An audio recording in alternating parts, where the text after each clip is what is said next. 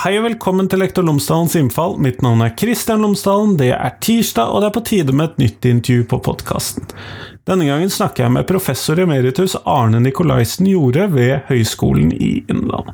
Og vi snakker om anerkjennelse i skolen, og hvorfor det er så viktig. Ikke bare for det sosiale og at man skal liksom klare seg sosialt og i det, den måten, men også for læringen i skolen. Hvorfor er anerkjennelse så viktig, og hvordan kan vi jobbe med det, og hvordan kan vi være bevisst på hvordan vi håndterer anerkjennelse og jobber med anerkjennelse i skolen. Det er temaene i dag. Og rett og slett kanskje muligheten for å styrke alle elevers muligheter til deltakelse, mestring og læring i skolen. Sånn at det er tema for dagens episode. Ellers, podkasten er som vanlig sponset av Fagbokflagget, som utgir bøker og digitale læremidler for hele utdanningsløpet, fra barnehage til høyere utdanning og profesjonsstudier, samt for norsk for minoritetsspråklige. Og Fagbokflagget kommer ut stadig med nye relevante læremidler, så følg med på fagbokforlaget.no. Og F.eks.: Hvordan skal du forholde deg til kunstig intelligens i klasserommet? Kjenner du til den første utgaven av læremidler og arbeidsformer i den digitale skolen?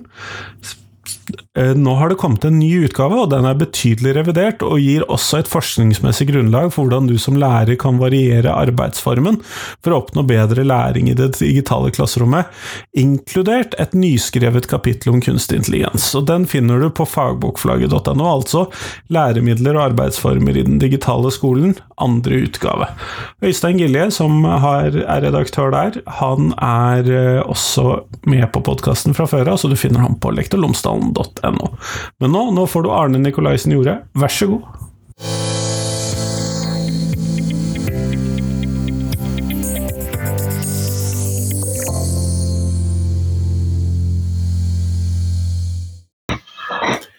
Arne Jorde, tusen takk for at du har tatt deg tid til meg i dag. Bare hyggelig. Før vi kommer sånn helt i gang, så hadde jeg håpet at du kunne fortelle lytterne mine tre ting om deg selv, sånn at de kan få bli litt bedre kjent med deg. Tre ting om meg selv, ja. Det er jo uh, veldig lite. Men uh, hva tenker du på da, holdt jeg på å si? Alder, eller uh, Hva du jobber som, hva du driver med, hva du har drevet med, hva du er utdannet som. Her er det mange ting å velge. Ja. Noen forteller om familien sin, og andre forteller ja. om gode og dårlige egenskaper. Ja da, det kan jo godt griper fatt i alle de temaene der. Altså For tiden så uh, er jeg da i en ny fase av livet. 1. mai så ble jeg professor emeritus etter å ha vært i pedagog i lærerutdanninga i 31 år. Så nå er jeg kommet til en uh, fase av livet hvor jeg kan gjøre som jeg vil. Um, jeg er ikke blitt pensjonist egentlig sånn i, i jobbsammenheng, for jeg har mer enn nok av oppgaver involvert i forskning, i uh, undervisning og andre ting. Men jeg kan jo nå velge fritt av hva jeg selv vil, vil bruke. Og da er denne jobben som jeg har hatt så lenge, den er så meningsfull at jeg syns det er eh, fint å kunne fortsette med formidling rundt temaer som jeg er opptatt av. Det er det ene. Så er jeg jo eh, kan jeg jo si at jeg er eh, ektemann med kone i jobb og to voksne barn. Eh, flotte unger som klarer seg bra i livet. 33 og 35 år gamle. Så, eh, som jeg har mye kontakt med, så det er et flott eh, et familie som jeg betyr mye for meg og er glad i.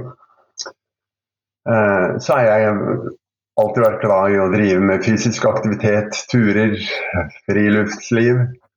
Eh, så har jeg da siste halvannet året pådratt meg en liten rygg, ryggplage, noe som heter spinal stenose. Som gjør at lange turer og skiturer og sånt ikke lenger eh, er like enkelt å få til. Det er en sånn avklemming av en nervebane nederst i ryggen som gjør at jeg har noen utstrålinger til høyre ben. Men jeg kan være drive med aktivitet i framoverlent posisjon. Så det betyr at sykling fungerer fint. Så det er jeg veldig glad for. Så nå sykler jeg mye. Og så eh, var jeg på et, eh, på et opplegg i, i, sommer hvor jeg møtte en person som eh, drev med noen ryggøvelser. Eh, som jeg har uh, tatt til meg, og det ser ut som det faktisk hjelper. Så jeg er, blitt bedre i ryggen nå den siste, siste måneden, så det er oppløftende. Det høres veldig bra ut. Ja. I dag så skal vi snakke om et tema som du har skrevet bok om.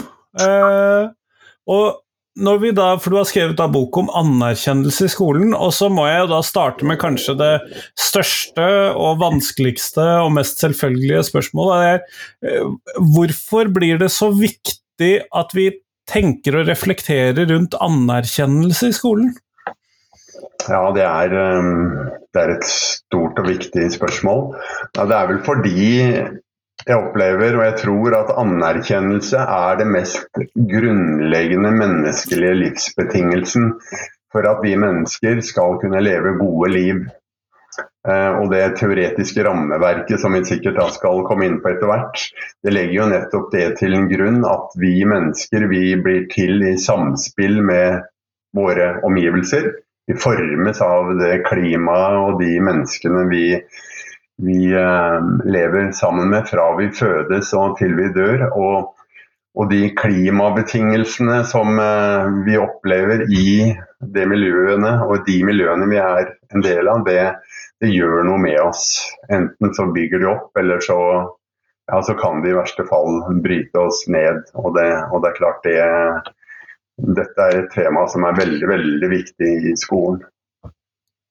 Men når vi da snakker om anerkjennelse, hva er det vi da snakker om? Eller hva, hva, er det du da peker på? Er det bare den klappen på skulderen og si 'så godt jobbet', eller Ja, ikke sant. Og det er jo det som er utfordrende når man skal jobbe med dette begrepet i eh, akademisk sammenheng og i, i formidling. Fordi anerkjennelsesbegrepet det inngår jo i dagligtalen vår alle vet vi jo på et vis hva anerkjennelse er. At vi snakker om å anerkjenne hverandre, så mener vi kanskje at vi gir hverandre ros og et klapp på skulderen. Eh, og det er jo selvfølgelig én dimensjon i det å anerkjenne andre mennesker. At vi møter hverandre på en hyggelig og positiv måte. Men anerkjennelse i, som et faglig begrep, sånn som jeg har brukt det i mitt bokprosjekt, det har en breiere og dypere og mer fundamental betydning. Og det, ja, så det, så det er et uh, stort, omfattende og viktig begrep som det skal være spennende å kunne snakke litt mer om. Og det gjør det jo komplisert at dette begrepet blir så stort. Og jeg ser du trekker jo inn både rettigheter og kjærlighet og sosial verdsetting, og det er jo ganske ulike størrelser, dette her. Ja. ja og, det, og, det, som kan hjelpe oss til å forstå det, det er jo å tenke over hvor, hvordan er det vi mennesker lever livene våre. Altså hvilke betingelser er det vi formes under. Og da viser denne teorien, eller forteller denne teorien som jeg har hentet fra den tyske sosialfilosofen Axel Honneth, han regnes som tredje generasjons eh, filosof i den tyske Frankfurter-skolen. Etterfølger av den mer kjente Jürgen Habermas, som, eh, som, vel mange har hørt om. Aksel Honneth han har bygd denne teorien eh, på et ganske omfattende teoretisk rammeverk. Han går helt tilbake til filosofen Hegel, da vi altså tilbake til slutten av 1700-tallet. Eh, som var den første som formulerte anerkjennelse som en betingelse for at mennesker skal kunne leve gode liv, og som en betingelse for et godt samfunn. Så har han eh, hentet impulser fra nyere sosialpsykologi, altså George Herbert Mead, da vi 100 år senere, inn på 1800-tallet, som, eh, som, eh, beskrev veldig grunnleggende hva mennesker trenger for å kunne utvikle seg til helt og sunt menneske. Og så har han hentet impulser fra nyere ja, utviklingspsykologi, psykoanalytisk forskning og teori, sosiologisk forskning og teori osv. Så, videre. så dette dette er en teori som har en ganske solid kunnskapsbase. Og Kjernen i denne teorien er rett og slett at vi mennesker vi lever våre liv i tre livssfærer. altså områder, om vi skal bruke det ordet. Eh, det ene, den ene livssfæren kaller han for den private sfære. Eh, og det er der vi har våre intime eller private relasjoner, sånn som forelder-barn-relasjon. Um, parforhold eller ektepar og nære vennskap er sånne idealtypiske eksempler på eh, intime forhold. Um, eller personlige, nære personlige forhold. Og den uh, sfæren, der kan vi erfare kjærlighet. Kjærlighet som en helt grunnleggende livsbetingelse. Det å bli elsket som den man er, uten betingelser. Det trenger vi alle. For barnet er dette helt prekært. Men vi trenger det også som voksne, og vi trenger det når vi blir gamle. Så dette, dette slipper aldri tak i oss, at vi er avhengig av denne gjensidige kjærlighetsrelasjonen i, i en vid betydning av ordet kjærlighet. Eh, den andre sfæren vi lever livet vårt i, det er jo i, altså som deltakere i en offentlighet. Som medlemmer av et samfunn, som rettssubjekter. Og det er forskjell på å være akseptert som en rettighetshaver i f.eks. i det norske samfunn, som en medborger i Norge. Og det å komme til Norge som, eh, som en innvandrer f.eks. ikke har rettigheter som medlemmer av det norske samfunn. Ingen uh, rettigheter i forhold til uh, syk sykdom, helsevesen, skole, trygdeordninger osv. Vi er medlemmer av samfunnet og vi har rettigheter. Det er den andre anerkjennelsesformen, det å bli anerkjent som et fullverdig medlem av et samfunn. Det er også en, en type anerkjennelse som er helt uavhengig av hva vi gjør eller ikke gjør. Så det er knyttet til en universell etikk om mennesket som verdifull, som det mennesket det er. Og dette er jo nedfelt i, i, internasjonal rett i dag, i menneskerettighetserklæringen og i Barnekonvensjonen f.eks at vi alle mennesker er like mye verdt, og menneskeverdet er ukrenkelig. Så det er en, en, den andre sfæren vi lever livene våre i, altså som rettssubjekter med rettigheter. Og så har vi en tredje sfære som vi også lever i hele tiden, og det er som deltakere i ulike typer sosiale fellesskap. Hvor hvor vi handler, og hvor det vi kan, våre evner og anlegg, blir eh, etterspurt eller ikke etterspurt som verdifulle bidrag. Og det å oppleve at mitt bidrag blir etterspurt og verdsatt som et viktig bidrag i, i de fellesskapene jeg deltar i, det er anerkjennelse. Og barn i barnehage, elever i skole, Eh, lærere, sykepleiere, hvem som helst. Eh, håndverkere en, på en arbeidsplass trenger alle å bli anerkjent for sitt bidrag. Uh, og uh, ja, i fritiden er vi medlemmer av idrettslag, kulturlag, vennegrupper osv. Og, det å erfare at vi har noe som at vi kan noe som er verdifullt for andre, og som, hvor vi kan utgjøre en forskjell, det er også en viktig, uh, viktig dimensjon av livet. Og, det, og også i denne sosiale sfæren kan vi da erfare anerkjennelse eller fravær av anerkjennelse. Så erfaringer av anerkjennelse på disse tre sfærene, de gjør noe med oss. Eh, og det former oss, da. Det former selvet vårt eller identiteten vår og gir oss en opplevelse av hvem vi er. Erfaring av anerkjennelse det, det, fører da til at vi blir trygge på vår verdi som menneske. Erfaringen av kjærlighet gir en trygg selvfølelse. Erfaringen av at vi er eh, godtatt som medlemmer av et uh, samfunn som likeverdige medborgere. Det gir en opplevelse av selvrespekt som moralsk verdige medlemmer av dette samfunnet vi er en del av. Og hvis vi får utfolde våre evner og anlegg, så så, ja, så utvikler vi selvtillit på det vi, det vi, behersker. Og summen av dette gjør at vi da kan bli mennesker som tror på selv, byr på oss sjøl, våger å gå ut i verden.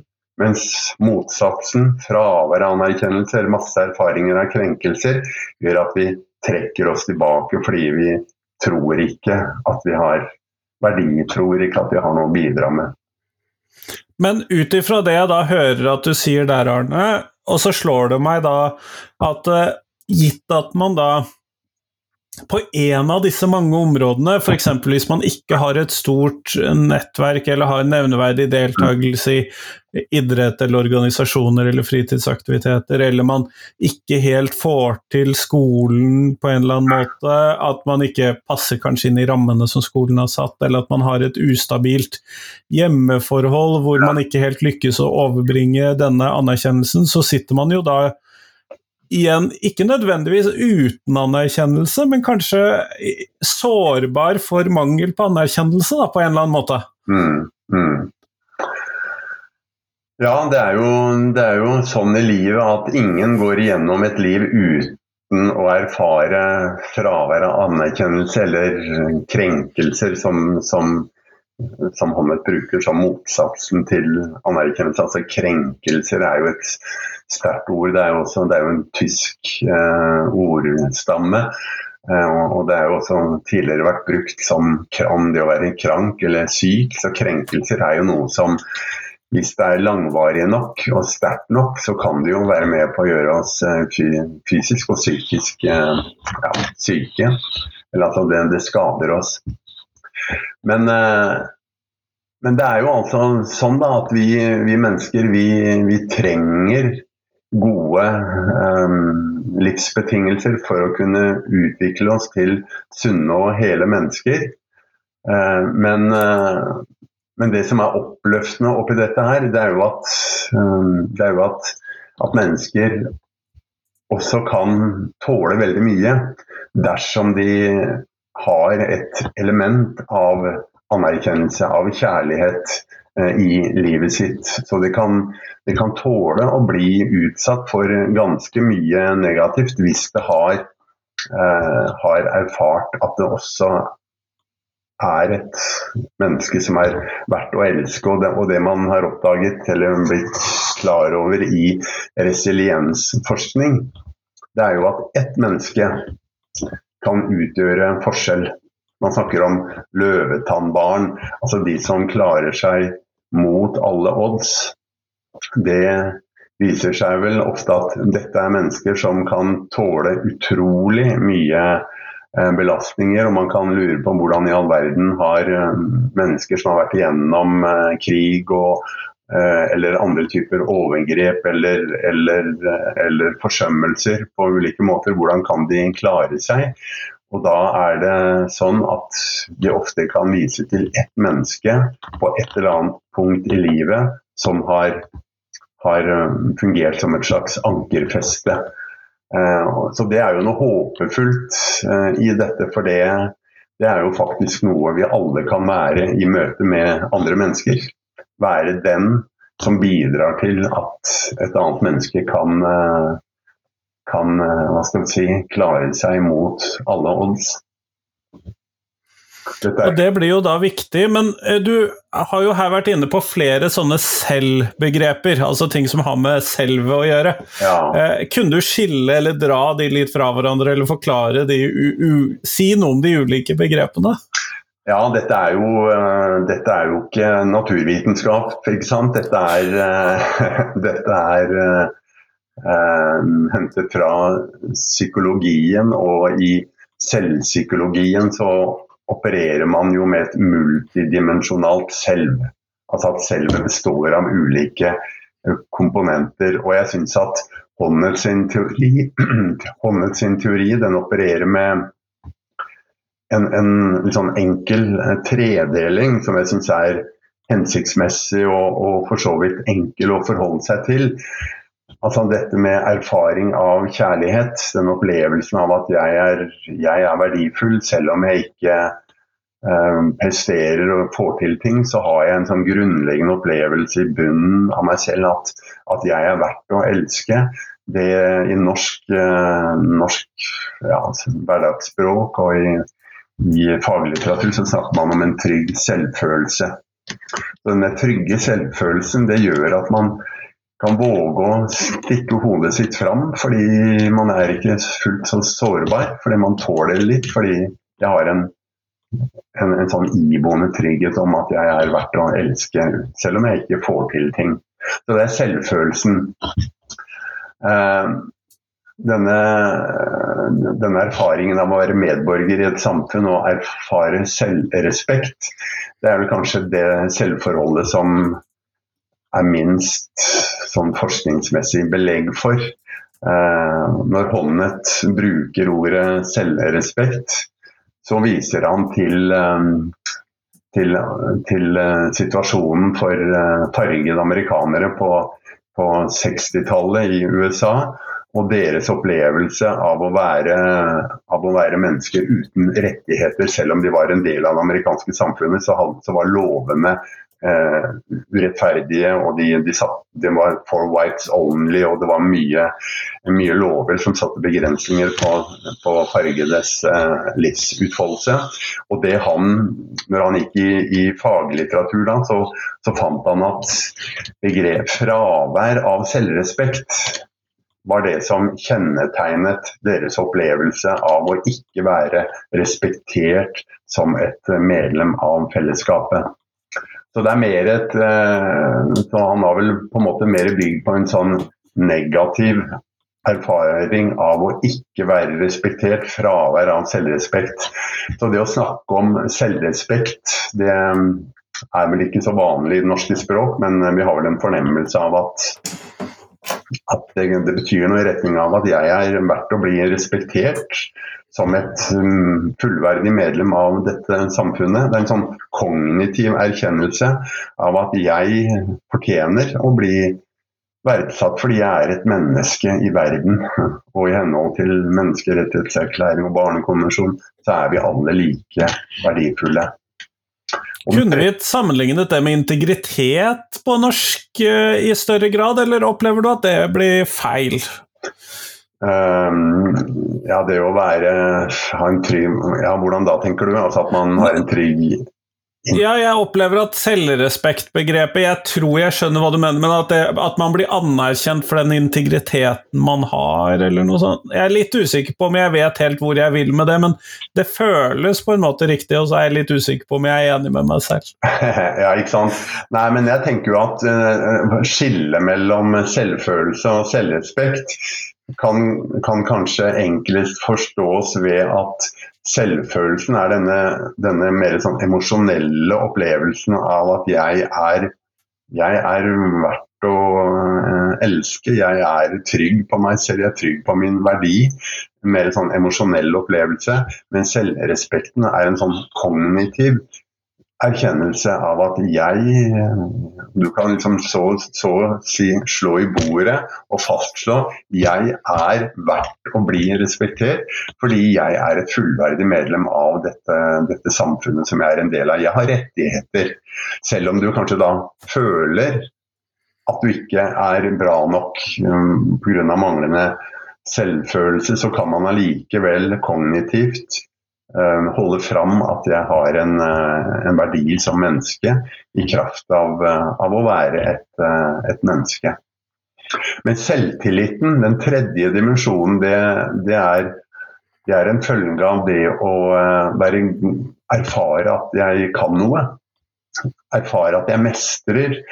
Eh, når man da får anledning til å utfolde evner og anlegg på ulike områder, så blir man jo flink med øvelse.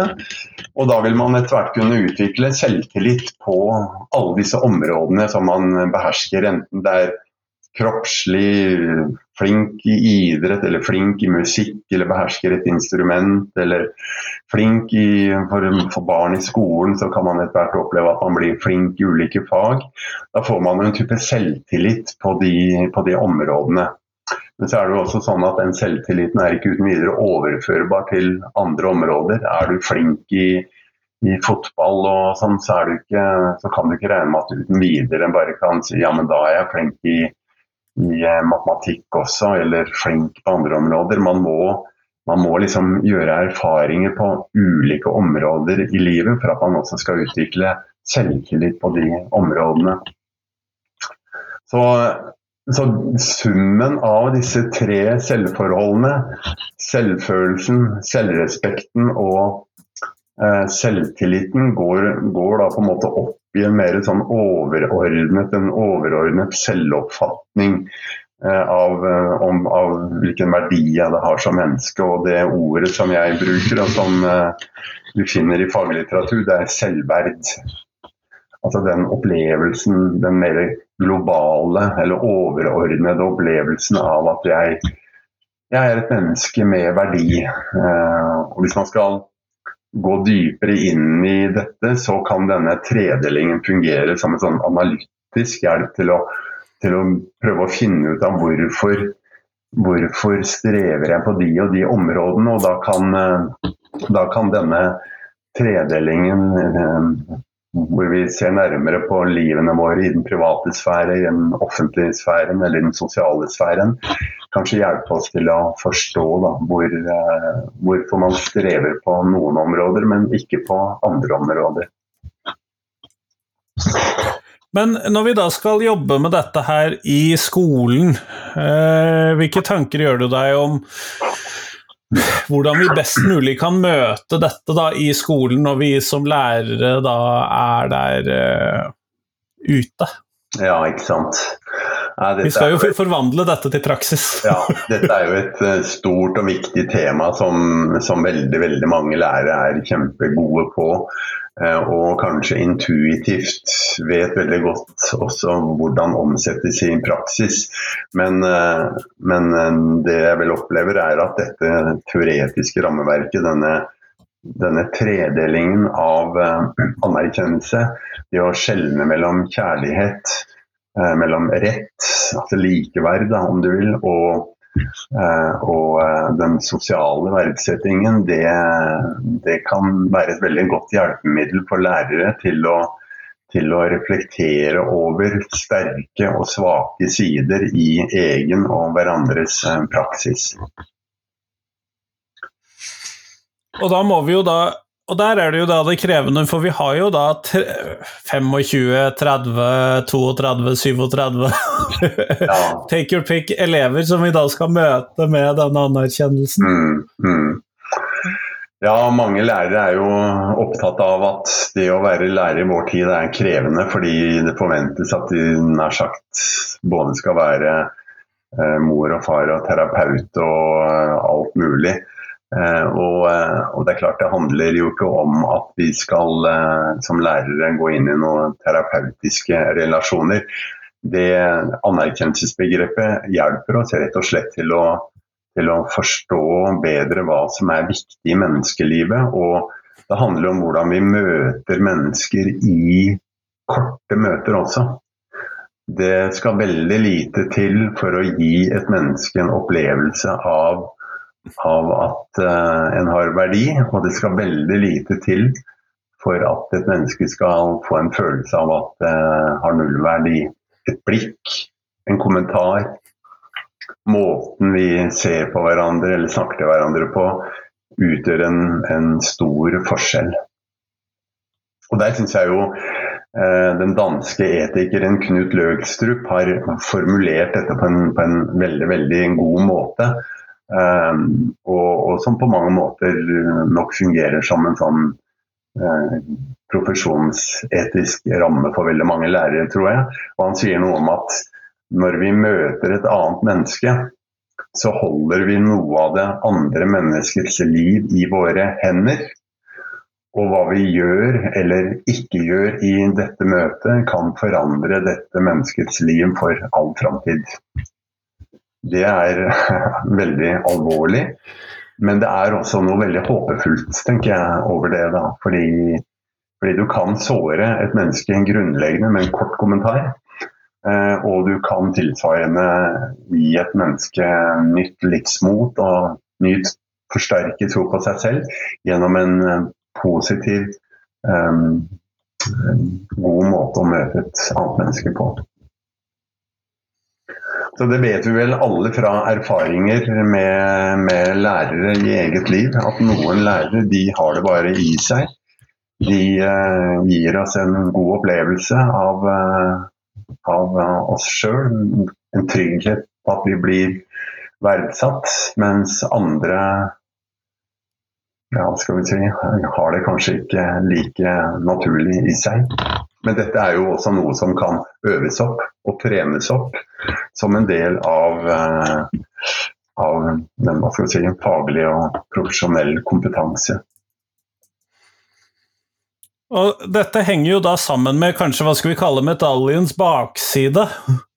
Eh, krenkelsene og krenkelsene som da kan forekomme i en skolesituasjon. Mm, mm. Eh, og det er jo lett å trå feil, selv om man kanskje ikke engang har ment å trå feil. Ja, ikke sant. Mm. Eh, hvordan kan vi jobbe med eller forholde oss til dette på en best mulig måte? Ja, Nei, altså jeg, jeg tenker jo, og, det som gjør eh, krenkelsesbegrepet eh, utfordrende, eh, og så, som også ligger i denne, dette teoretiske rammeverket til, til Aksel eh, Honnet, det er jo at det er et fenomenologisk begrep. altså Det betyr at man, man legger vekt på den andres subjektive opplevelse. Så hvis du opplever at du er blitt såret eller krenket av noe jeg sa eller gjorde, så må din opplevelse bli tatt på alvor. Um, og, da, og hvis det skjer, og det, og det, skjer jo stadig vekk i møter mellom mennesker, så er den, ehm, den måten å håndtere dette på, det må være å ta det opp for da kan det bli avklart om eh, det som ble sagt eller gjort var intensjonalt eller ikke. Eh, og hvis det er intensjonale krenkelser som forekommer i skolen, og det vet vi også fra forskning at det faktisk eh, forekommer, selv om lærere kanskje ikke selv tenker at de bedriver krenkelser, så viser jo forskning at ganske høy andel av elever opplever at de er blitt gjort narr av, at de er blitt uh, latterliggjort i møte med lærere i andre elevers uh, nærvær osv. Og, det er klart det er fryktelig sårende og, det er krenkende. Og det, gjør, det skader jo et barn å oppleve det. Én kommentar eller én sånn opplevelse kan virkelig, uh, virkelig være skadelig. Så i den grad lærere har dette som en del av sin måte å være på. Da utfordrer det kollegiet til å ta et oppgjør med det. Honnet kaller jo sitt hovedverk 'Kamp om anerkjennelse'.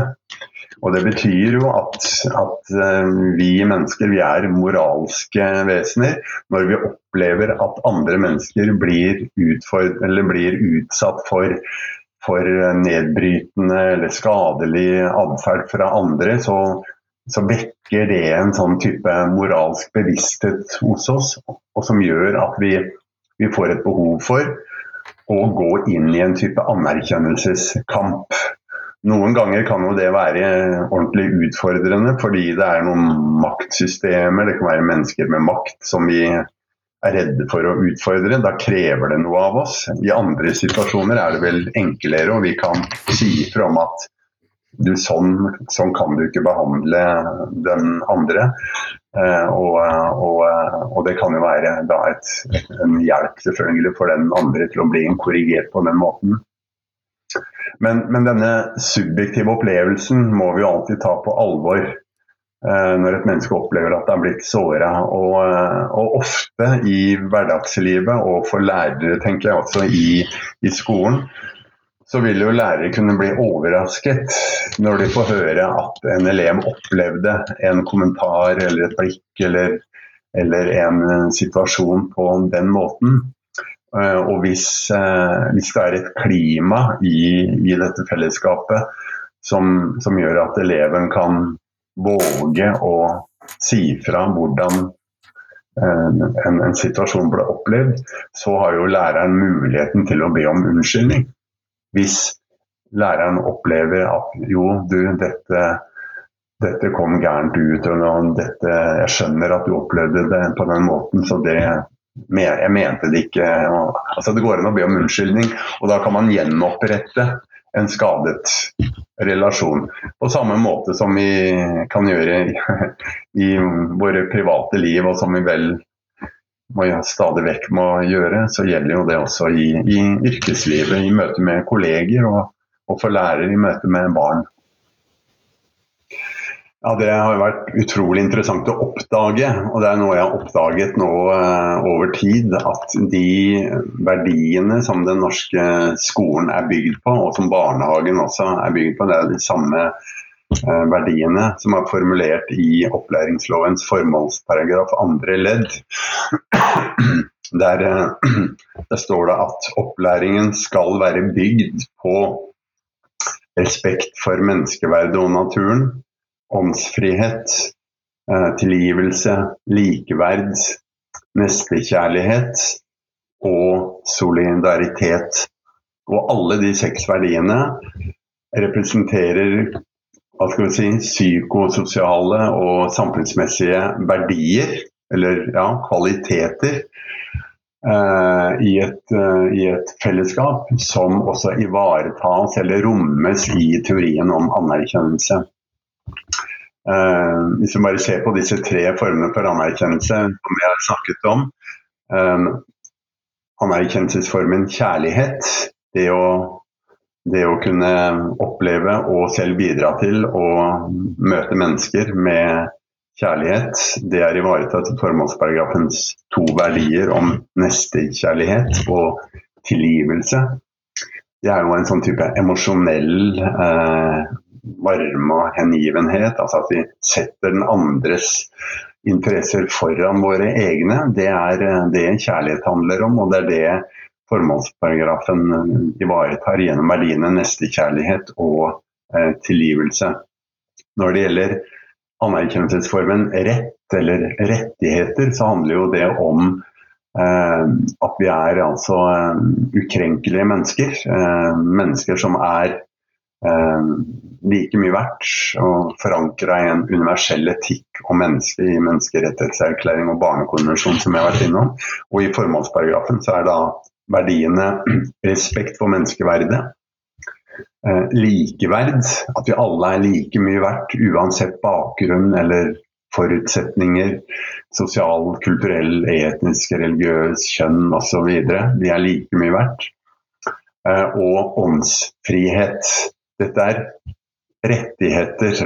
Åndsfrihet handler jo om at vi alle har rett til å danne våre egne meninger, uansett hva andre måtte mene.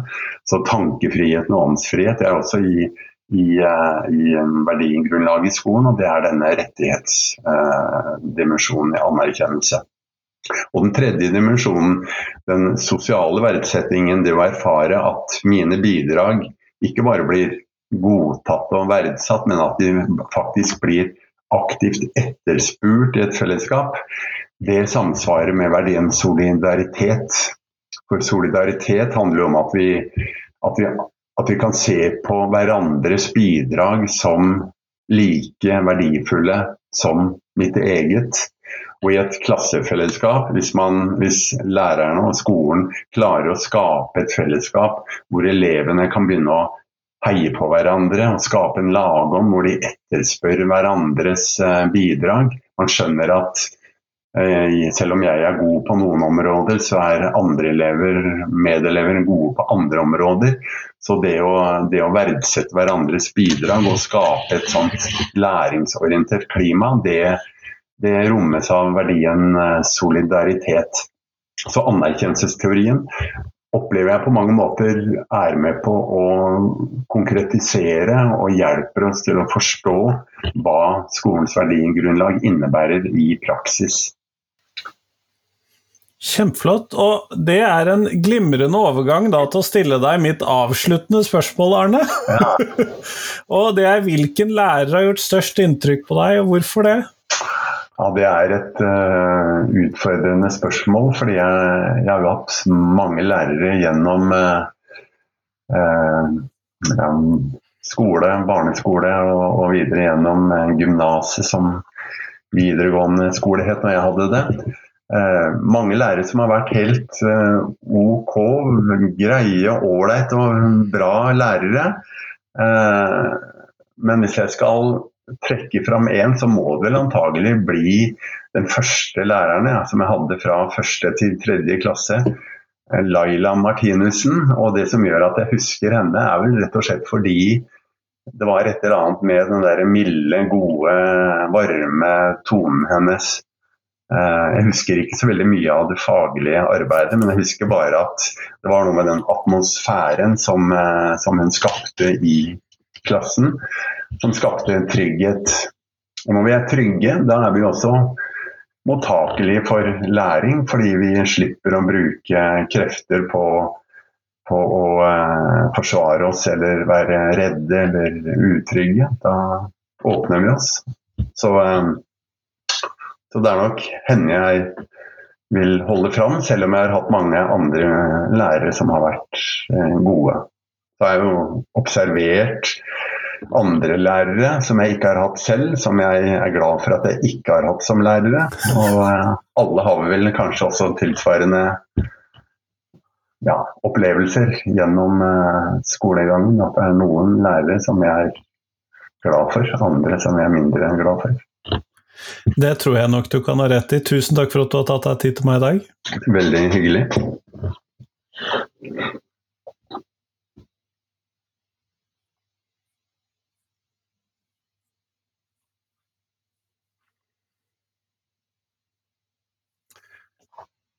Jeg skal klare å få den til å stoppe når vi gjør øh, Når jeg klipper dette til.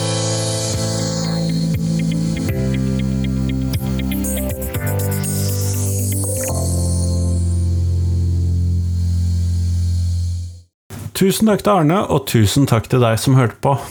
Hvilke temaer tenker du at jeg bør ta opp når det kommer til relasjonskompetanse og relasjonspedagogikk, den typen ting, akkurat som dagens tema om anerkjennelse i skolen?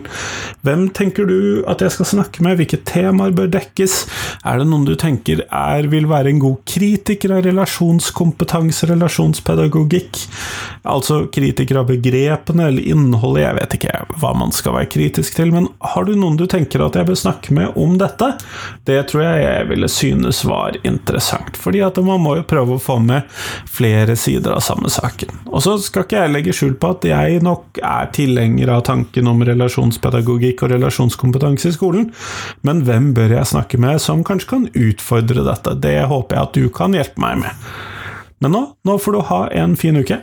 Hei, hei!